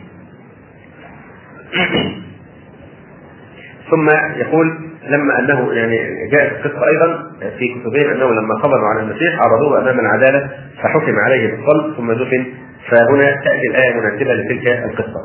ثم يقول لقد تأملت هذا طويلا ثم قلت إذا لم يتدخل الله في إقامة المسيح من القبر لبقي مسكونا تحت التراب إلى يوم القيامة. اذا ما دام المسيح لم يستطع إنقاذ نفسه فكيف يكون بوسعه إنقاذ الآخرين؟ هل يليق بإله كما يزعمون أن يكون عاجزا عن ذلك؟ لا شك لا أشك لحظة أن كل ذي عقل سيوافقني فيما ذهبت إليه، أليس كذلك؟ ثم يقول عند ذلك عزمت عن الخروج من الكنيسة وعدم الذهاب إليه، كان ذلك سنة 1969 حيث خرجت فعلا ولم أعد أتردد على الكنيسة. وليس معنى ذلك أني خرجت ذلك الحين من الديانة النصرانية نفسها لأنه كما هو معلوم هناك كنائس ومذاهب شتى في الديانة النصرانية فهناك الكاثوليكية والبروتستانية والميثوديست والفلي كتلانتن واليونيتاريان وغيرها كثير حتى أنني أستطيع أن أقول بان هناك أكثر من 60 و300 مذهبا في الديانة النصرانيه وصدق الله العظيم وأن هذا صراطي مستقيما فاتبعوه ولا تتبعوا السبل فتفرق بكم عن سبيله. ثم ذكر قال وقد يقول قائل إن في الإسلام أيضا توجد مذاهب وطوائف عدة فهناك المذاهب الأربعة المعروفة الحنفي والشافعي والحنبلي والمالكي وغيرها والجواب هو أن أتباع هذه المذاهب لا يختلفون في أصول الدين بل يتفقون جميعا أن الله واحد لا شريك له وأن محمدا رسول الله صلى الله عليه وسلم. كما يتفقون في أركان الإسلام الخمسة. وجوانب الخلاف بينهم في الفروع فقط لا في الأصول. وخلافهم رحمة كما ورد في الأثر. أما في الديانة المسيحية فالأمر مختلف تماما اذا الخلاف في صلب العقيدة. وهذا هو الفارق بين الإسلام والنصرانية. ومهما اختلفت المذاهب في الإسلام فإنك لا تجد مسجدا يخص مذهبا معينا دون سائر المساجد. بل على العكس من ذلك فإذا نادى المنادي للصلاة تجد كل مسلم يدخل أقرب مسجد ليصلي فيه. ولكن الأمر مختلف تماما في الديانة النصرانية فكل كنيسة تتبع مذهبا معينا. ولا يذكرها إلا أتباع ذلك المذهب فحسب. فالكاثوليكي لا يصلي في كنيسة بروتستانتيه والبروتستانتي لا يصلي والآخر في كنيسة كاثوليكية وهكذا. ثم قال وذات يوم لقيت صديقا لي فدعاني إلى الكاثوليكية. هو بقى تمرد على البروتستانية. وأخذ يعدد مميزات هذا المذهب ولم أجد مثلها في المذهب البروتستانتي فقال صديقي في هذا المذهب عندنا بقى في في الكاثوليكية توجد حجرة الغفران. وهي عبارة عن غرفة في الكنيسه يجلس فيها قط ذو لحية خفيفة يرتدي لباسا أسود ويقعد على كرسي عال. ومن طلب العفو والغفران ذهب إليه. وردد بعض الألفاظ غير المفهومة. وما إن يكاد يفرغ من قراءتها حتى يقال له بأنه بريء من ذنوبه ويرجع كيوم ولدته أمه. وهكذا قال لي صديقي وضبط إلى كل ما تختلف يداك من الذنوب خلال أيام الأسبوع كفيل بأن يغفر لك عند ذهابك إلى الكنيسة يوم الأحد وحصولك على الغفران فأنت لا تحتاج لا إلى الصلاة ولا إلى العبادة ولكن إذا تركت ذلك كله وذهبت إلى القسط واعترفت أمامه غفرت ذنوبك. يقول الأخ احمد كورنومو لقد تذكرت ما يقرره الإسلام في ذلك وهو أن البشر مهما علت رتبة أحدهم لا يمكن أن يوكل إليه غفران ذنوب العباد. كما أن التوبة والمغفرة لا تسقط التكاليف والفرائض بل لابد للتائب من أن يؤدي الصلوات الخمس اليومية في أوقاتها فإذا تركها فلا قيمة لتوبته وعليه إثم كبير. لا يمكن أن يتحمله عنه غيره من الناس ولا تزر وازرة وزر أخرى. صدق الله العظيم. ثم يقول لقد رأيت الداخلين إلى حجرة الغفران في الكنيسه عليهم أمارات الحزن والكآبة لثقل الذنوب بينما رأيت من يخرج منها وقد علت وجهه ابتسامة الفرح لاعتقاده بأن ذنوبه قد غفرت له. أما أنا فحين جربت تلك الغرفة دخلتها حزينا وخرجت منها حزينا. لماذا يا ترى لأنني كنت أفكر وأتساءل هذه ذنوبنا يتحملها القسط. ولكن من يتحمل ذنوبه هو. وهكذا لم أقتنع بالكاثوليكية فتركتها وبحثت عن دين آخر. ثم يقول بعد ذلك تعرفت على طائفة نصرانية أخرى تسمى شهود يهوى. وهي مذهب آخر من مذاهب النصرانيه لقيت رئيسهم وسألته عن تعاليم مذهبه. فقلت له من تعبدون؟ قال الله. قلت ومن هو المسيح؟ فقال عيسى هو رسول الله. فصادف ذلك موافقه لما كنت أؤمن به واميل إليه. ودخلت كنيستهم فلم أجد فيها صليبا واحدا. فسالته عن سر ذلك سر ذلك فقال الصليب علامة الكفر لذلك لا نعلقه في كنائسنا. إذا اقتنع بأن يبحث عن المزيد في ملة هؤلاء آه، المسمين شهود يهوى. وهو يصف هذه الفترة من حياته فيقول لقد أمضيت ثلاثة أشهر كاملة أتلقى تعاليم ذلك المذهب. ففي نهايتها كان لي الحوار التالي مع رئيس الكنيسة وكان هولنديا قلت له يا سيدي إذا توفيت على هذا المذهب اللي هو شهود يهوى إذا توفيت على هذا المذهب فإلى أين مصيري؟ قال كالدخان الذي يزول في الهواء فقلت متعجبا ولكني لست في جارة بل أنا إنسان ذو عقل وضمير ثم سألته وأين أتجه بعد الممات؟ فقال توضع في ميدان واسع قلت وأين ذلك الميدان؟ قال لا أعلم قلت سيدي إذا كنت عبدا مطيعا ملتزما بهذا المذهب فهل أدخل الجنة؟ قال لا قلت فإلى أين إذا؟ قال الذين يدخلون الجنة عددهم 144 ألف شخص فقط أما أنت فسوف تدخل الأرض مرة أخرى وهنا قاطعته قائلا ولكن يا سيدي قد وقعت الواقعة. الدنيا خربت. يعني كل القيامة قامت والدنيا خربت. قال أنت لا تفهم حقيقة القيامة. لو كان لديك كرسي. وفوقه حشرات مؤذية. هل تحرق الكرسي لتخلص من الحشرات؟ قلت لا. قال بل تقتل الحشرات ويبقى الكرسي سليما. وهكذا فتبقى الأرض سليمة بعد تطهيرها من الدنس والخطايا وعندها ينتقل إليها الناس من ذلك الميدان فليس هناك ما يسمى بالنار؟ وهنا أعملت فكري جيدا ودرست الأمر وقلبته حتى اتخذت القرار الأخير بترك النصرانية بجميع مذاهبها رسميا. كان ذلك في عام 1970 وفي أحد الأيام بينما كنت أسير في طريقي بحثا عن الحق رأيت معبدا بوذيا جميلا ضخما فاقتربت منه. فوجدت فيه عدة تماثيل وصور في السقف تمثل التنين وعلى الجدران مثل ذلك. كما شاهدت أمام البوابة تمثالين على شكل اسد صامت. وما أن دخلت من البوابة حتى جاءني رجل فأوقفني. وسأل إلى أين؟ قلت أريد أن أدخل. قال اخلع عليك قبل أن تدخل. هذا معبد لنا فاحترم مكان عبادتنا. قلت في نفسي حتى البولية تعرف النظافة أما الديانات السابقة فلا نظافة فيها. أذكر أنني عندما كنت أدخل الكنيسة لم أكن أخلع علي عند الدخول. طبعا هذا كلام آه، خطأ. وإلا إذا كان يقصد بالنظافة يعني أو القذارة النجاسة يعني الإنسان لا يصلي بنعل فيه نجاسة لكن كان طاهرا يجوز أن يصلي في النعل ويدخل المسجد طبعا شرط المسجد ما يكونش مفروش يعني. كان من رمل أو حصى ممكن يدخل بالنعل عادي ما في مشكلة. لكن طبعا معلوماته محدودة فلذلك قال هذه العبارة ثم يقول لقد جربت الديانة البوذية فترة من الزمن. ولكن سرعان ما تركتها لإحساسي بأني لم أجد الحق الذي أنشده ثم اتصلت بالديانة الهندوسية التي بدأت ونشأت في الهند والتي انتشرت تعاليمها حتى وصلت إلى بعض الجزر الهندونيسية فأخذت أتنقل بين تلك الجزر التي يوجد فيها نشاط لأتباع هذا الدين ومكثت معه فترة من الزمن تعلمت فيها الكثير. وقد نجحت في المرحلة الأولى. إلى درجة أنني أخذت أجري الخوارق كالعبور في النار والمشي على المسامير الحادة يعني دين دين الحواء الحاوي. فالجن والشياطين تساعدهم طبعا في هذه الأشياء. والخوارق ما هي دليل على حق؟ توصل مرحله من المهارة في هذه الديانه الهندوسيه إلى حد العبور في النار والمشي على المسامير الحادة وإدخال المسامير إلى أعضاء الجسم إلى غير ذلك. ولكن لي أيضا ليس هذا هو ما كنت أبحث عنه. ثم يضيف الأخ احمد برنومو وذات يوم سألت رئيس المعبد الهندوسي ماذا تعبدون؟ قال نعبد برهما ويشنو وشيوى برهما إله الخلق ويشنو إله الخير وشيوى إله الشر. ثلاثة آلهة تجلت في جسد إنسان واحد اسمه كريشنا الذي يعتبر المنقذ للعالم عند الهندوس. قلت لنفسي إذا فلا فرق في أمر الألوهية بين الهندوسية والنصرانية. ولو اختلفت الأسماء فهما يناديان ثلاثة في واحد.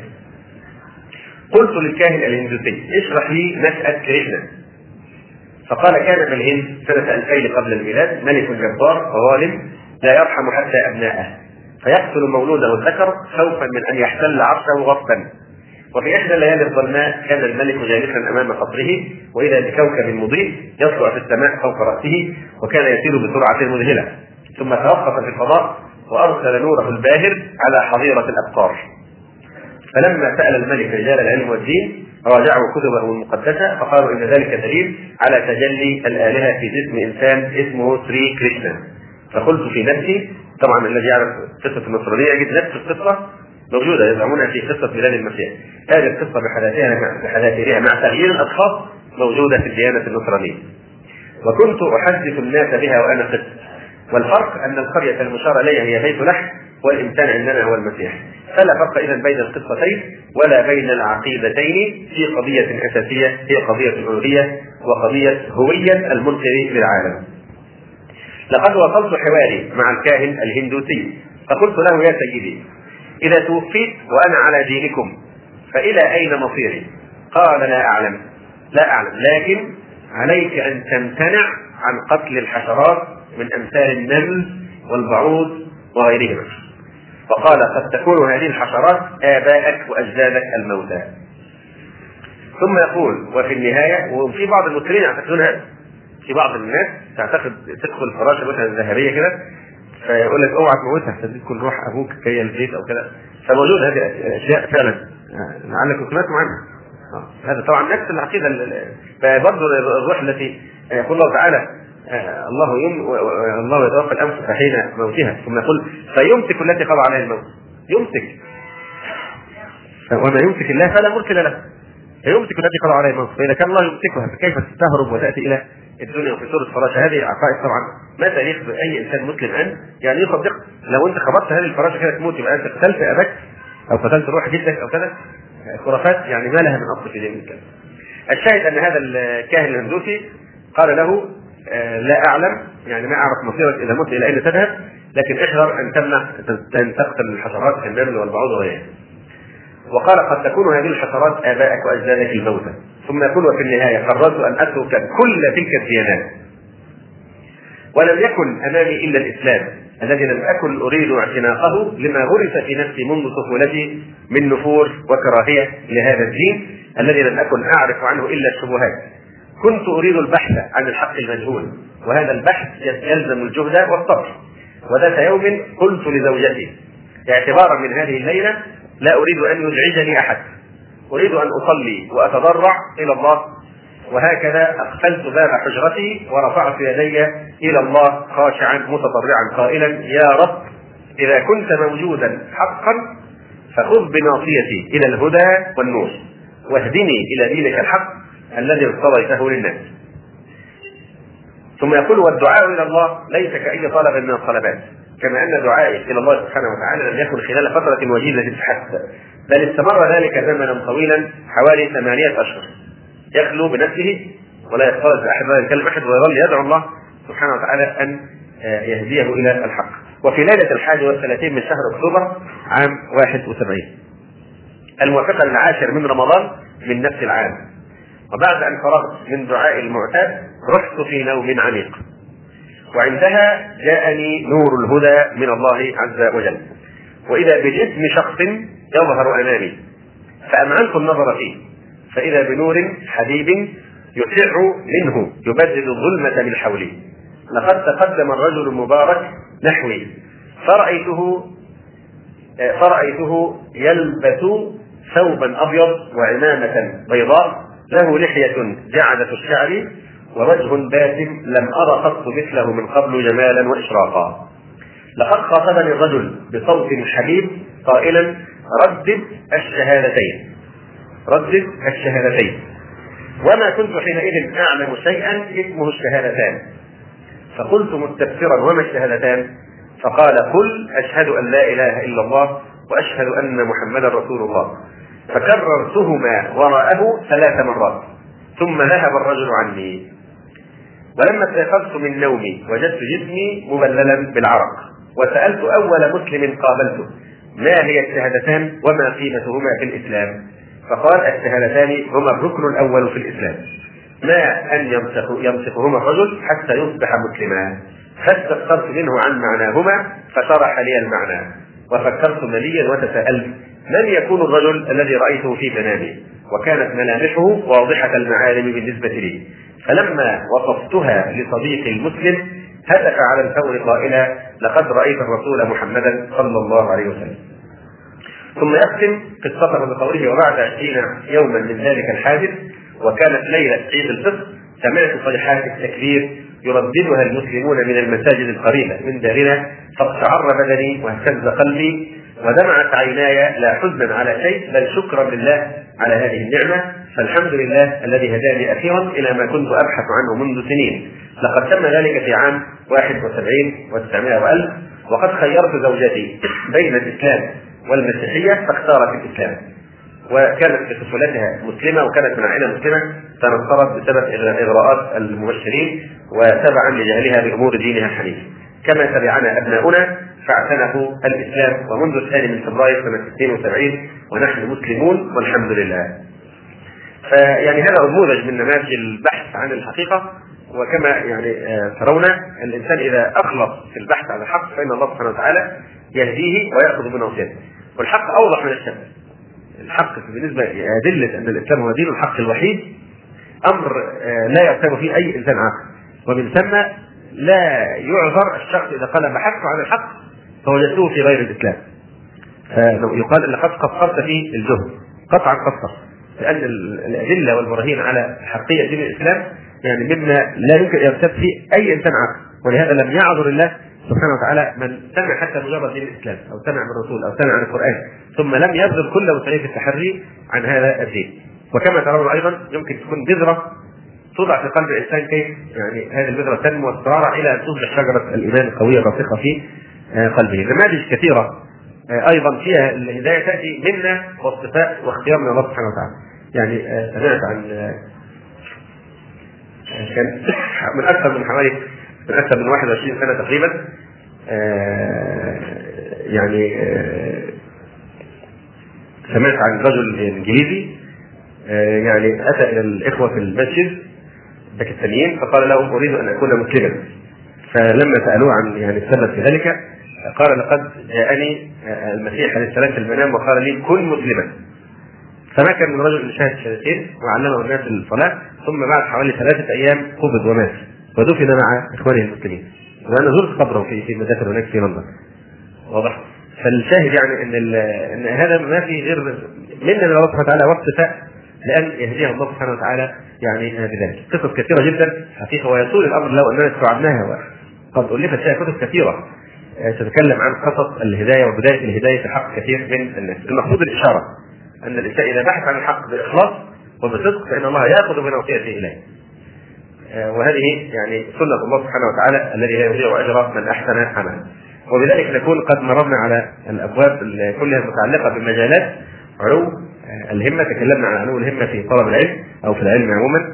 علو الهمة في العبادة علو الهمة في الجهاد في سبيل الله تبارك وتعالى علو الهمة في الدعوة إلى الله عز وجل ثم علو الهمة في البحث عن الحق وعن دين الحق. وبذلك يبقى خواتيم هذا البحث إن شاء الله الذي نختمه الأسبوع القادم وفيه خلاصة الكلام في هذا الموضوع ويعني أسباب انحطاط الهمة وأسباب الارتقاء بالهمة وعلاج ضعف الهمة والمنهج الصحيح إلى ذلك وأثر ذلك في إصلاح حال الأفراد وحال يعني الأمة أجمعين. نكتفي بهذا القدر وأقول قولي هذا وأستغفر الله لي ولكم سبحانك اللهم ربنا وبحمدك أشهد أن لا إله إلا أنت أستغفرك وأتوب إليك وصلى الله وسلم وبارك على عبده ورسوله محمد وعلى آله وصحبه أجمعين السلام عليكم ورحمة الله وبركاته.